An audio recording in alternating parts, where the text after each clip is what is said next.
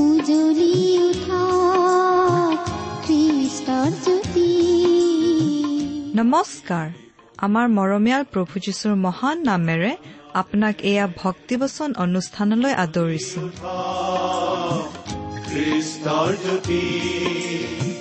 আকাশ কৰি গাঁও হাৱে মিলি প্ৰশংসা গীতি গাঁও সবে মিলি প্ৰশংসা গীতি আজিৰে পবিত্ৰ ক্ষণতে উজলি উঠা খ্ৰীষ্টৰ ঈশ্বৰে আপোনাক যি অসীম প্ৰেম কৰিলে তাক যদি অনুভৱ কৰিব বিচাৰে আৰু তেওঁৰ অগম্য বাক্যৰ মৌ মিঠা সোৱাদ ল'ব বিচাৰে তেন্তে আহক আজিৰ ভক্তিবচন অনুষ্ঠানটো মনোযোগেৰে শুনো। এয়া আপোনালৈ আগবঢ়াইছো। ঈশ্বৰৰ জীৱন্ত বাক্যৰ অনুষ্ঠান ভক্তিবচন।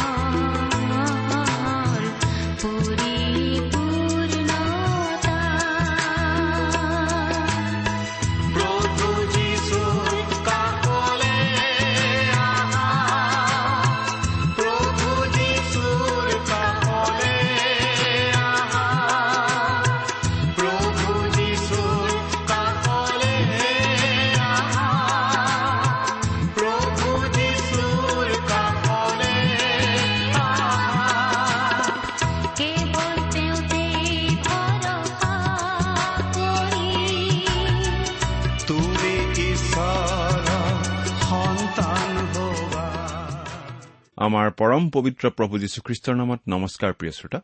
আশা কৰো মহান পিতা পৰমেশ্বৰৰ মহান অনুগ্ৰহত আপুনি ভালে কুশলে আছে। লগতে এই বুলিও আশা কৰিছো যে আপুনি আমাৰ এই ভক্তিবচন অনুষ্ঠানটো নিয়মিতভাৱে শুনি আছে। প্ৰিয় শ্ৰোতা এই অনুষ্ঠান শুনি আপুনি কেনে পাইছে আমালৈ চিঠি লিখি জনাবচোন। আপোনালোকৰ পৰা চিঠি পত্ৰ পাবলৈ আমি আগ্ৰহেৰে বাট চাওঁ। আমাৰ যোগাযোগৰ ঠিকনাটো হয়তো আপোনাৰ মনত আছে তথাপি আকৌ এবাৰ কৈ দিছো। ভক্তিবচন টি ডব্লিউ আৰ ইণ্ডিয়া ডাক বাকচ নম্বৰ সাত শূন্য গুৱাহাটী সাত আঠ এক শূন্য শূন্য এক। ভক্তিবচন T W R India post box number seventy Guwahati seven eight one zero' zero' one. আমাৰ website W W W dot radio' eight eight two dot com আহকচোন আজিৰ বাইবেল অধ্যয়ন আৰম্ভ কৰাৰ আগতে খন্তেক প্ৰাৰ্থনাত মূৰ দুৱাওঁ। স্বৰ্গত থকা অসীম দয়ালু পিতৃ ঈশ্বৰ তোমাৰ মহান নামৰ ধন্যবাদ কৰো। তুমি মহান তুমি কৰুণাময় তুমি অনুগ্ৰহৰ আকৰ। তোমাৰ অনুগ্ৰহতেই আজি আমি প্ৰভু যীশুত বিশ্বাস কৰি পৰিত্ৰাণ পাব পৰা হৈছো তোমাক পিতৃ বুলি মাতিব পৰা হৈছো। তুমি আমালৈ যিমান অনুগ্ৰহ দেখুৱাইছা তাৰ বাবে তোমাক ধন্যবাদ দি আমি শেষ কৰিব নোৱাৰো। এতিয়া প্ৰাৰ্থনা কৰিছো তোমাৰ মহান বাক্য বাইবেল শাস্ত্ৰৰ যোগেৰে তুমি আমাক কথা কোৱা। তোমাৰ মাত আমাক শুনিবলৈ দিয়া। কিয়নো এই প্ৰাৰ্থনা আমাৰ মহান ত্ৰাণকৰ্তা প্ৰভু যীশুখ্ৰীষ্টৰ নামত আগবঢ়াইছো।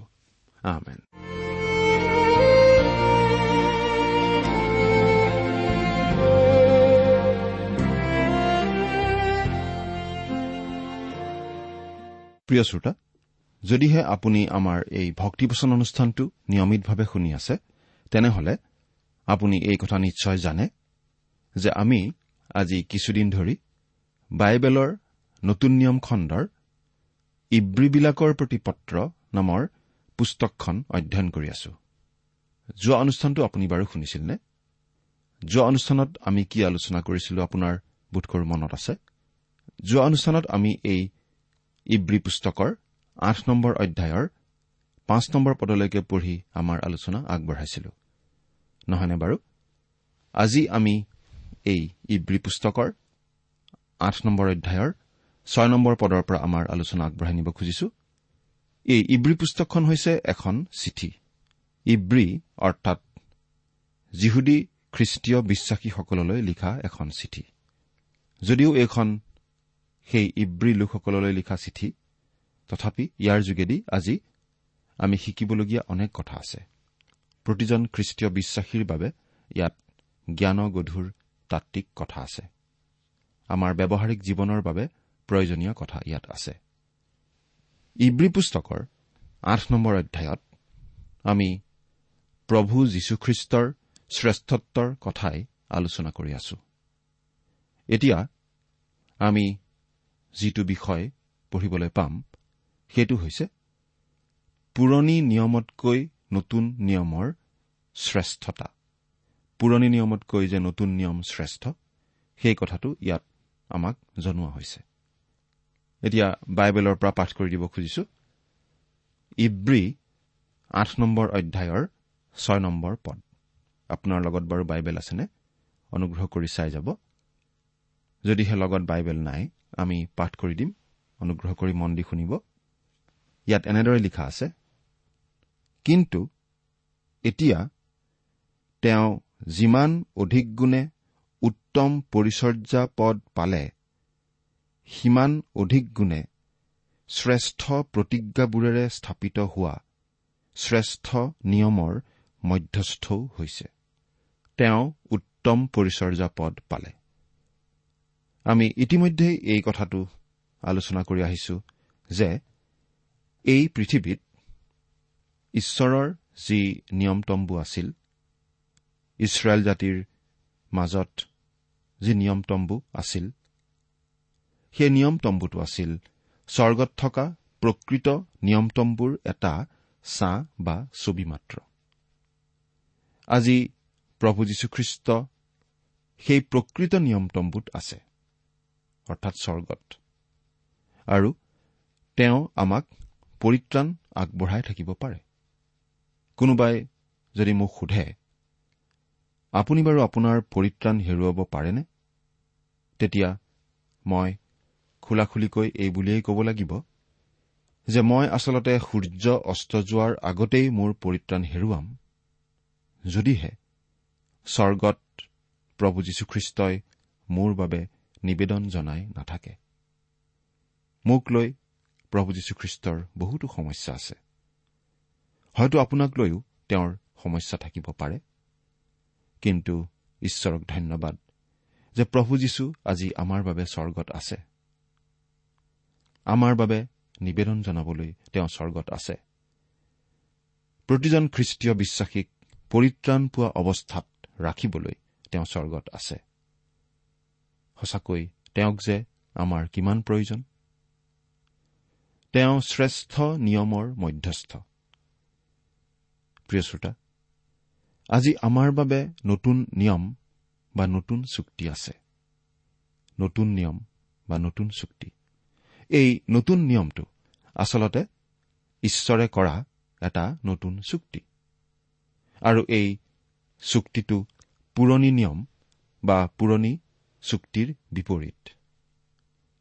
ঈশ্বৰে মুচিক বিধানবোৰ দিছিল আৰু তাৰ পাছত সেই নিয়মতম্বু আৰু সেই নিয়মতম্বুত পালন কৰিবলগীয়া বিভিন্ন ৰীতি নীতি আদিৰ কথা মুচিক জনাই দিছিল।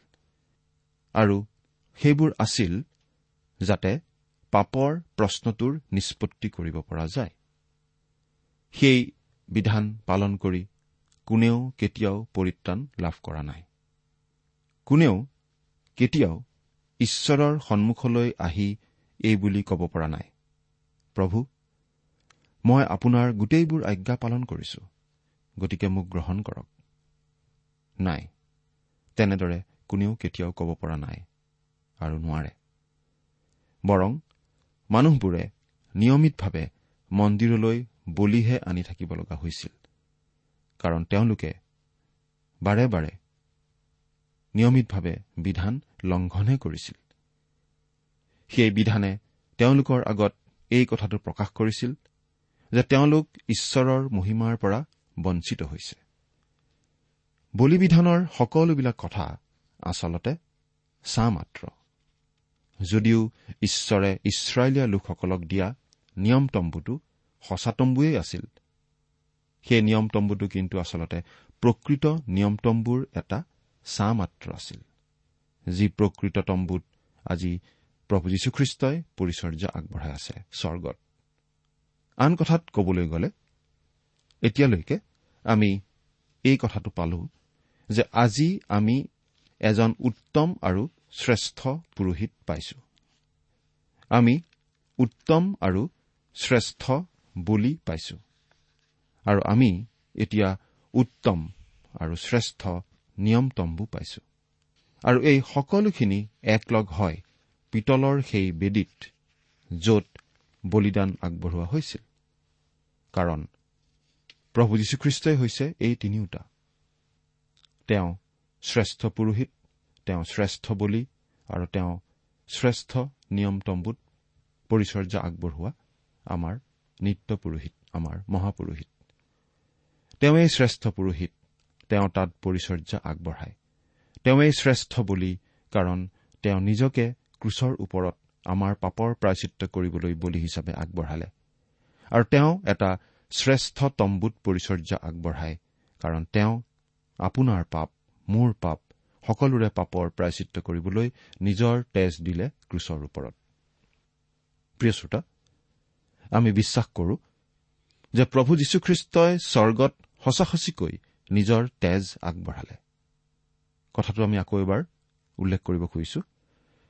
আমি বিশ্বাস কৰো যে প্ৰভু যীশুখ্ৰীষ্টই স্বৰ্গত সঁচা সঁচিকৈ নিজৰ তেজ আগবঢ়ালে। আমি ভাবো যেতিয়া কবৰৰ পৰা পুনৰ জি উঠা প্ৰভু যীশুখ্ৰীষ্টই মদগলিনী মৰিয়মৰ আগত দেখা দিছিল তেতিয়া তেওঁ এই কামটোকে কৰিবলৈ গৈ আছিল অৰ্থাৎ স্বৰ্গত নিজৰ তেজ দিবলৈ গৈ আছিল। জোহনে লিখা শুভবাৰ্তা বিশ নম্বৰ অধ্যায়ৰ সোতৰ নম্বৰ পদত আমি এই বুলি পঢ়িবলৈ পাওঁ প্ৰভু যীশুৱে মৰিয়মক এইদৰে কৈছিল তুমি মোক নুচুবা। কিয়নো মোৰ পিতৃৰ ওচৰলৈ এতিয়ালৈকে মই উঠা নাই। কিন্তু তুমি মোৰ ভাইবিলাকৰ ওচৰলৈ গৈ যিজনা মোৰ পিতৃ আৰু তোমালোকৰো পিতৃ আৰু মোৰ ঈশ্বৰ আৰু তোমালোকৰো ঈশ্বৰ তেওঁৰ ওচৰলৈ মই উঠি যাওঁ ইয়াকে তেওঁবিলাকক কোৱাগৈ। আমি ভাবো যে সেই সময়ত তেওঁ আমাৰ মহাপুৰোহিত হিচাপে স্বৰ্গত নিজকে বলি হিচাপে আগবঢ়োৱা তেজ দিবলৈ গৈ আছিল। পুৰোহিতে যেনেকৈ বলি আগবঢ়াই তাৰ তেজ লৈ অতি পবিত্ৰ স্থানত সোমায় তেনেদৰে প্ৰভু যীশুৱেও ক্ৰুচত নিজকে বলি হিচাপে আগবঢ়াই তেওঁৰ নিজৰেই তেজ দিবলৈ প্ৰকৃত অতি পবিত্ৰ স্থান স্বৰ্গলৈ গৈ আছিল। আৰু আমি ভাবো সেই তেজ তাত অনন্তকাল ধৰি থাকিব তেওঁ আমাৰ মুক্তিৰ বাবে যি ত্যাগ আগবঢ়ালে সেই কথা আমাক সোঁৱৰাই থাকিবলৈ। খ্ৰীষ্টৰ তেজৰ কথা কোৱাটো বহুতো মানুহে অলপ অসুবিধা পায়। এবাৰ এজন শিক্ষকে এঠাইত শাস্ত্ৰৰ শিক্ষা দিবলৈ গৈছিল। তেতিয়া এগৰাকী মহিলাই অলপ বক্ৰোক্তি কৰি এই বুলি কৈছিল আশা কৰো আপুনি আমাৰ আগৰ শিক্ষকজনৰ নিচিনা নহ'ব কাৰণ তেওঁ অলপ পুৰণিদিনীয়া মানুহ আছিল। তেওঁ তেজৰ ওপৰত খুব গুৰুত্ব আৰোপ কৰি কথা কৈছিল। মই তেজৰ কথা শুনিলে অলপ অসুবিধা পাওঁ। তেজৰ কথা বেছিকৈ কৈ থকাটো বাৰু অলপ ঘীনলগীয়া যেন আপোনাৰ নালাগেনে? তেতিয়া সেই শিক্ষকজনে উত্তৰ দিছিল। মহোদয়া মই আচলতে খ্ৰীষ্টৰ তেজৰ বিষয়টোত একো ভুল দেখা নাপাওঁ। আপোনাৰ আৰু মোৰ পাপৰ বিষয়টোহে আচলতে ঘীনলগীয়া। প্ৰিয় শ্ৰোতা আমি অতি নিশ্চিতভাৱে আৰু জোৰ দি ক'ব খোজো যে প্ৰভু যীশুৰ তেজ এতিয়াও স্বৰ্গত আছে বুলি আমি বিশ্বাস কৰো আৰু অনন্তকাল ধৰি তাত থাকিব। খ্ৰীষ্টই আমাক উদ্ধাৰ কৰিবলৈ কি ভয়ানক মূল্য দিব লগা হ'ল সেইটো আমাক সোঁৱৰাই দি থাকিবলৈ। শ্ৰেষ্ঠ প্ৰতিজ্ঞাবোৰেৰে স্থাপিত হোৱা। পুৰণি নিয়মত ঈশ্বৰে মুচিৰ বিধানসমূহ দিছিল। আৰু ইছৰাইলীয় লোকসকলে সেই বিধান ভংগ কৰাৰ কাৰণে ঈশ্বৰে বলিৰ ব্যৱস্থা কৰিছিল। অৰ্থাৎ পাপ মোচনৰ বাবে নিয়মিতভাৱে বলি দি থাকিবলগীয়া তেওঁলোকে হৈছিল। মুচিৰ বিধান দিয়াৰ আগতে তেওঁলোকে ঈশ্বৰৰ ওচৰ চাপিছিল বিশ্বাসেৰে। যেনে অব্ৰাহামৰ কথাকেই আমি ক'ব পাৰোঁ। অব্ৰাহামতকৈ যদি আমি পিছুৱাই যাওঁ আমি দেখিবলৈ পাওঁ যে নোহৰ দিনত ব্যৱস্থাটো আৰু অলপ বেলেগ আছিল। অৰ্থাৎ আমি এই কথাটো দেখিবলৈ পাওঁ যে ঈশ্বৰে বিভিন্ন সময়ত মানুহৰ লগত বিভিন্ন ধৰণে ব্যৱহাৰ কৰিছিল। ইয়াত কোৱা হৈছে যে এতিয়া আমি এটা শ্ৰেষ্ঠ প্ৰতিজ্ঞাৰ সময়ত আছো। শ্ৰেষ্ঠ প্ৰতিজ্ঞাৰ আধাৰত স্থাপিত শ্ৰেষ্ঠ নিয়ম। যদিও আমি খ্ৰীষ্টীয় বিশ্বাসীসকল ইয়াৰ অধীন কিন্তু ঈশ্বৰে ইছৰাইল জাতিক এতিয়াও আচলতে এৰি দিয়া নাই। আৰু তেওঁলোকৰ বাবে এই শ্ৰেষ্ঠ প্ৰতিজ্ঞাবোৰ সফল হ'ব। ভৱিষ্যতে খ্ৰীষ্টৰ এহেজাৰ বছৰীয়া শাসনৰ সময়ত ঈশ্বৰৰ সেই শ্ৰেষ্ঠ প্ৰতিজ্ঞাবোৰ তেওঁলোকৰ ক্ষেত্ৰত সফল হ'ব। পুৰণি নিয়মৰ ভাৱবাদীসকলৰ পুস্তকবোৰ পঢ়িলে আমি এই কথাটো জানো যে ঈশ্বৰে ইছৰাইলৰ লোকসকলক আকৌ তেওঁলোকৰ ঠাইলৈ ঘূৰাই লৈ আনিব। আমি এই ভাৱবাণীটোকেই চাওঁচোন। জিৰিমিয়া ত্ৰিশ নম্বৰ অধ্যায়ৰ ওঠৰ নম্বৰ পদ। জিৰিমিয়া ত্ৰিশ ওঠৰ। জিহুৱাই এই কথা কৈছে। চোৱা মই জাকুবৰ তম্বুবোৰৰ বন্দী অৱস্থা পৰিৱৰ্তন কৰিম আৰু তেওঁৰ বাসস্থানবোৰলৈ কৃপা কৰিম আৰু নগৰখন নিজ উপপৰ্বতৰ ওপৰত পুনৰাই সজা হ'ব আৰু ৰাজগৃহত ৰীতিমতে মানুহৰ বসতি হ'ব। আকৌ জিৰিমিয়া একত্ৰিশ নম্বৰ অধ্যায়ৰ আঠ নম্বৰ পদত এই বুলি আমি পঢ়িবলৈ পাওঁ। চোৱা। মই তেওঁবিলাকক উত্তৰ দেশৰ পৰা আনিম। মই পৃথিৱীৰ অন্তভাগৰ পৰা তেওঁবিলাকক আৰু তেওঁবিলাকে সৈতে অন্ধকক খোৰাক গৰ্ভৱতী আৰু গৰ্ভবেদনা পোৱা তিৰোতাক একেলগে গোটাম। তেওঁবিলাক বৰ এদল হৈ এই ঠাইলৈ ওলটি আহিব। আকৌ জিৰিমিয়া একত্ৰিশ নম্বৰ অধ্যায়ৰেই দহ আৰু এঘাৰ নম্বৰ পদ পাঠ কৰি দিছো। হে জাতিবিলাক জিহুৱাৰ বাক্য শুনা আৰু দূৰত থকা দ্বীপবোৰত তাক প্ৰচাৰ কৰা আৰু কোৱা যিজনাই ইছৰাইলক ছিন্ন ভিন্ন কৰিলে তেওঁৱেই তাক গোটাব আৰু ৰখীয়াই নিজৰ জাকক ৰখাৰ দৰে তেওঁ তাক ৰাখিব। কিয়নো জিহুৱাই জাকুবক মোকোলালে আৰু তাতকৈ অধিক বলৱানজনৰ হাতৰ পৰা তাক মুক্ত কৰিলে। আজি যিহুদী লোকসকলে ইছৰাইলত ঈশ্বৰৰ আশীৰ্বাদ আচলতে উপভোগ কৰিব পৰা নাই। তেওঁলোকে উপভোগ কৰি থকা নাই। তেওঁলোক ঈশ্বৰৰ পৰা দূৰত আছে। গতিকে এতিয়ালৈকে এই ভাৱবাণীবিলাক ফলিওৱা নাই। কিন্তু যেতিয়া সেই সময় হ'ব তেতিয়া ইব্ৰী পত্ৰৰ লিখকে কোৱা সেই শ্ৰেষ্ঠ প্ৰতিজ্ঞাৰ সেই শ্ৰেষ্ঠ নিয়মৰ ফল তেওঁলোকে ভোগ কৰিবলৈ পাব। আমি আকৌ পঢ়ি দিছো। জিৰিমিয়া একত্ৰিশ নম্বৰ অধ্যায়ৰ একত্ৰিশৰ পৰা তেত্ৰিশ নম্বৰ পদলৈকে। যি হোৱাই কৈছে চোৱা এনে কোনো দিন আহিছে যে সেইদিনা মই ইছৰাইল বংশ আৰু জিহুদা বংশৰ সৈতে এটি নতুন নিয়ম স্থাপন কৰিম।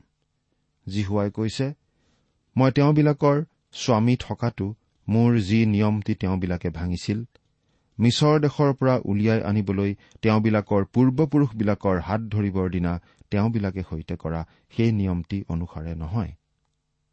কিন্তু জিহুৱাই কৈছে সেই দিনৰ পাছত ইছৰাইল বংশৰ লগত মই যি নিয়ম কৰিম সেই নিয়মটি এই মই তেওঁবিলাকৰ অন্তৰত মোৰ ব্যৱস্থা স্থাপন কৰিম আৰু তেওঁবিলাকৰ হৃদয়ত তাক লিখিম। মই তেওঁবিলাকৰ ঈশ্বৰ হ'ম আৰু তেওঁবিলাক মোৰ প্ৰজা হ'ব। এই কাম এতিয়ালৈকে ঈশ্বৰে কৰা নাই। ইছৰাইলীয় লোক এতিয়াও ঈশ্বৰলৈ ঘূৰা আমি দেখা পোৱা নাই। কিন্তু এদিন জিৰিমিয়াৰ ভাৱবাণী ফলিয়াব জিৰিমিয়া একত্ৰিশ নম্বৰ অধ্যায়ৰ চৌত্ৰিশ নম্বৰ পদত আমি এই বুলি পাওঁ জিহুৱাক জানা এই কথা কৈ তেওঁবিলাক প্ৰতিজনে নিজ নিজ ওচৰ চুবুৰীয়াক আৰু প্ৰতিজনে নিজ নিজ ভাইক আৰু শিক্ষা নিদিব কাৰণ জিহুৱাই কৈছে বৰৰ পৰা সৰুলৈকে সকলোৱে মোক জানিব কিয়নো মই তেওঁবিলাকৰ অপৰাধ ক্ষমা কৰিম আৰু তেওঁবিলাকৰ পাপ মই আৰু নুসুঁৱৰিম। ইব্ৰী পত্ৰৰ লিখকে ঠিক এই কথাই আচলতে ইয়াত কৈ আছে। নতুন চুক্তি শ্ৰেষ্ঠ চুক্তি আৰু ই শ্ৰেষ্ঠ প্ৰতিজ্ঞাৰ ওপৰত প্ৰতিষ্ঠিত। আৰু প্ৰভু যীশুখ্ৰীষ্ট এই শ্ৰেষ্ঠ চুক্তিৰ মধ্যস্থতাকাৰী কাৰণ ইয়াত শ্ৰেষ্ঠ প্ৰতিজ্ঞা আছে। এতিয়া আমি এই আঠ নম্বৰ অধ্যায়ৰ সাত নম্বৰ পদটো পঢ়ি দিছো। কিয়নো সেই প্ৰথম নিয়ম নিৰ্দোষী হোৱা হলে দ্বিতীয়টোৰ নিমিত্তে ঠাই বিচাৰ কৰা নহলহেঁতেন। সেই প্ৰথম নিয়ম নিৰ্দোষী হোৱা হলে অৰ্থাৎ প্ৰথম নিয়মটো যথেষ্ট নাছিল গতিকে এটা শ্ৰেষ্ঠ নিয়মৰ প্ৰয়োজন হ'ল। কোনোবাই ক'ব পাৰে তেনেহলে পুৰণি নিয়মটো ভুল আছিল। নাই সেইটো শুদ্ধ নহয়। পাছৰ পদটো চাওকচোন আঠ নম্বৰ পদ। কাৰণ তেওঁ দুখ ধৰি তেওঁবিলাকক কয় বোলে প্ৰভুৱে কৈছে চোৱা যিদিনত মই ইছৰাইল বংশে সৈতে আৰু জিহুদাৰ বংশে সৈতে নতুন নিয়ম সম্পন্ন কৰিম এনে দিন আহিছে। তেওঁ দুখ ধৰি তেওঁবিলাকক কয় কাৰ দুখ? নিয়মটোৰ দুখ ধৰাৰ কথা ইয়াত কোৱা হোৱা নাই। ঈশ্বৰৰ সেই নিয়মটোত কোনো সমস্যা নাছিল। ঈশ্বৰৰ বিধানত কোনো সমস্যা নাই। সমস্যাটো মানুহতহে। আপুনি মই কোনো মানুহেই বিধান পালন কৰাৰ সমৰ্থ নহওঁ। প্ৰভুৱে কৈছে চোৱা যিদিনত মই ইছৰাইল বংশে সৈতে আৰু জিহুদাৰ বংশে সৈতে নতুন নিয়ম সম্পন্ন কৰিম এনে দিন আহিছে। সেই কথাটো আমি ইতিমধ্যেই জিৰিমিয়াৰ ভাৱবাণীত পঢ়িছো। আন আন ভাৱবাদীৰ ভাৱবাণীতো আমি সেই কথা পঢ়িবলৈ পাওঁ। ন নম্বৰ পদ। যিদিনা মই তেওঁবিলাকৰ ওপৰ পুৰুষসকলক মিছৰ দেশৰ পৰা উলিয়াই আনিবলৈ তেওঁবিলাকৰ হাত ধৰি তেওঁবিলাকে সৈতে নিয়ম থিৰ কৰিলো। সেইদিনৰ নিয়মৰ দৰে নহয়। কিয়নো প্ৰভুৱে কৈছে তেওঁবিলাক মোৰ নিয়মত নাথাকিলে। তাতে ময়ো তেওঁবিলাকলৈ অৱহেলা কৰিলো। মানুহবোৰে প্ৰথম নিয়মটো ভংগ কৰিছিল। এই নিয়মে যি বিচাৰিছিল সেইটো পালন কৰিবলৈ তেওঁলোক সমৰ্থ নাছিল আৰু এই নিয়মে তেওঁলোকক সমৰ্থও কৰা নাছিল। দহ নম্বৰ পদ। কাৰণ প্ৰভুৱে কৈছে সেইদিনৰ পাছত ইছৰাইল বংশে সৈতে মই এই নিয়ম স্থাপন কৰিম। তেওঁবিলাকৰ চিত্তত মোৰ বিধান দিম আৰু তেওঁবিলাকৰ হৃদয়ত তাক লিখিম আৰু মই তেওঁবিলাকৰ ঈশ্বৰ হ'ম। তেওঁবিলাকো মোৰ লোক হ'ব। নতুন নিয়ম লিখা হ'ব তেওঁলোকৰ অন্তৰত। কোনো শিলৰ ফলিত লিখা নহ'ব যাতে তেওঁলোকে সেই নিয়ম পালন কৰিব পাৰে। এঘাৰ আৰু বাৰ নম্বৰ পদ। আৰু তুমি প্ৰভুক জানিবা ইয়াকে বুলি তেওঁবিলাক প্ৰত্যেকে নিজ নিজ নগৰৰ মানুহক আৰু প্ৰত্যেকে নিজ নিজ ভায়েকক শিক্ষা নিদিব। কিয়নো তেওঁবিলাকৰ সৰুৰ পৰা বৰলৈকে সকলোৱে মোক জানিব কাৰণ মই তেওঁবিলাকৰ অধাৰ্মিকতাত দয়ালু হ'ম। তেওঁবিলাকৰ পাপবোৰ আৰু সোঁৱৰণ নকৰিম। পাপৰ সম্পূৰ্ণ ক্ষমা লাভ হ'ব। পাপ একেবাৰে মুচি দিয়া হ'ব। তেৰ নম্বৰ পদ। এই নিয়মটো তেওঁ নতুন বোলাত প্ৰথমটোক পুৰণি কৰিলে। কিন্তু যিটো পুৰণি আৰু জীৰ্ণ প্ৰায় সেয়ে দৃষ্টিৰ অগোচৰ হবলৈ উদ্যত হৈছে। গতিকে প্ৰিয় শ্ৰোতা আমি মচিৰ ব্যৱস্থাৱলীৰ অধীন নহয়। ঈশ্বৰে জনাই দিছে যে এইটো পুৰণি নিয়ম আৰু এতিয়াও তেওঁ এটা নতুন নিয়ম আনিলে। সেই নতুন চুক্তি তেওঁ কৰিলে প্ৰভু যীশুখ্ৰীষ্টৰ যোগেদি যিজন আজি আমাৰ পৰিত্ৰতা। আমি আকৌ কৈছো পুৰণি নিয়মত কিবা ভুল থকা বাবে তেওঁ এইটো কৰা নাই আমাত ভুল থকা কাৰণেহে তেওঁ এইটো কৰিব লগা হ'ল। আজি আকৌ পুৰণি নিয়মৰ অধীন হৈ চলিব খোজা লোকসকললৈ আমাৰ পুতৌ উপজে। তেনেলোকে মুচিৰ বিধানমতে চলিবলৈ চেষ্টা কৰে কিন্তু আচলতে তেওঁলোকে কেতিয়াও মুচিৰ ব্যৱস্থা পালন কৰি চলিব নোৱাৰে। তেওঁলোক বিফল হয়। আমি কৰিবলগীয়া কামটো হৈছে আমি ঈশ্বৰৰ ওচৰলৈ আহিব লাগে তেওঁৰ অনুগ্ৰহ বিচাৰি তেওঁৰ নতুন নিয়ম গ্ৰহণ কৰিব লাগে আৰু সেই নিয়মৰ অধীনত আগবঢ়োৱা পৰিত্ৰাতা প্ৰভু যীশুক আমি গ্ৰহণ কৰিব লাগে। বিধানে মানুহত একো উত্তম বিষয় সৃষ্টি কৰিব পৰা নাছিল। পাচনি পৌলে কৈছে ৰমিয়া সাত নম্বৰ অধ্যায়ৰ আঠ নম্বৰ পদত কিন্তু পাপে চল পাই সেই আজ্ঞাৰ দ্বাৰাই মোৰ অন্তৰত লোভ আদি সকলো অভিলাষ সাধন কৰিলে। কিয়নো বিধানৰ বিনে পাপ মৰা। প্ৰিয় শ্ৰোতা এয়া শাস্ত্ৰৰ বাক্য। এই বাক্য শুদ্ধ বাক্য। মানুহ সম্পূৰ্ণৰূপে পাপী। আলিবাটেৰে গৈ থকা মানুহবোৰ মাত্ৰ নহয়। কেৱল পাপত জীৱন কটাই থকা মানুহবোৰ মাত্ৰ নহয় কিন্তু আমি সকলো পাপী। কিন্তু আজি পবিত্ৰ আত্মাই অসম্ভৱ কামটো সম্ভৱ কৰি তুলিব পাৰে। দুৰ্বল আৰু পাপী মানৱতো পবিত্ৰ আত্মাই পবিত্ৰ জীৱনৰ সৃষ্টি কৰিব পাৰে।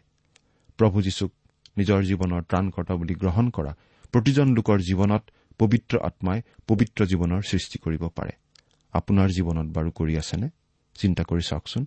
ঈশ্বৰে আপোনাক আশীৰ্বাদ কৰক। আমেন।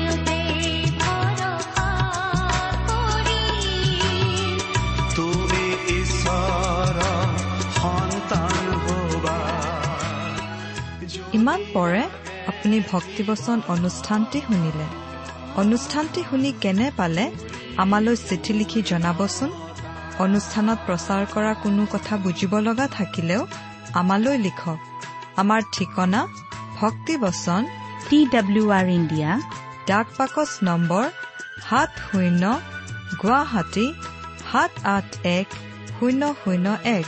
ঠিকনাটো আৰু এবাৰ কৈছো ভক্তিবচন টি ডাব্লিউ আৰ ইণ্ডিয়া ডাক পাকচ নম্বৰ সাত শূন্য গুৱাহাটী সাত আঠ এক শূন্য শূন্য এক। আপুনি ইমেইল যোগেৰেও আমাৰ সৈতে যোগাযোগ কৰিব পাৰে। আমাৰ ইমেইল আইডিটো হৈছে Assamese T TV at radio' eight eight two dot com. আইডিটো আকৌ এবাৰ কৈছো। Assamese T TV at radio' eight eight two dot com. আপুনি টেলিফোনৰ মাধ্যমেৰেও আমাক যোগাযোগ কৰিব পাৰে।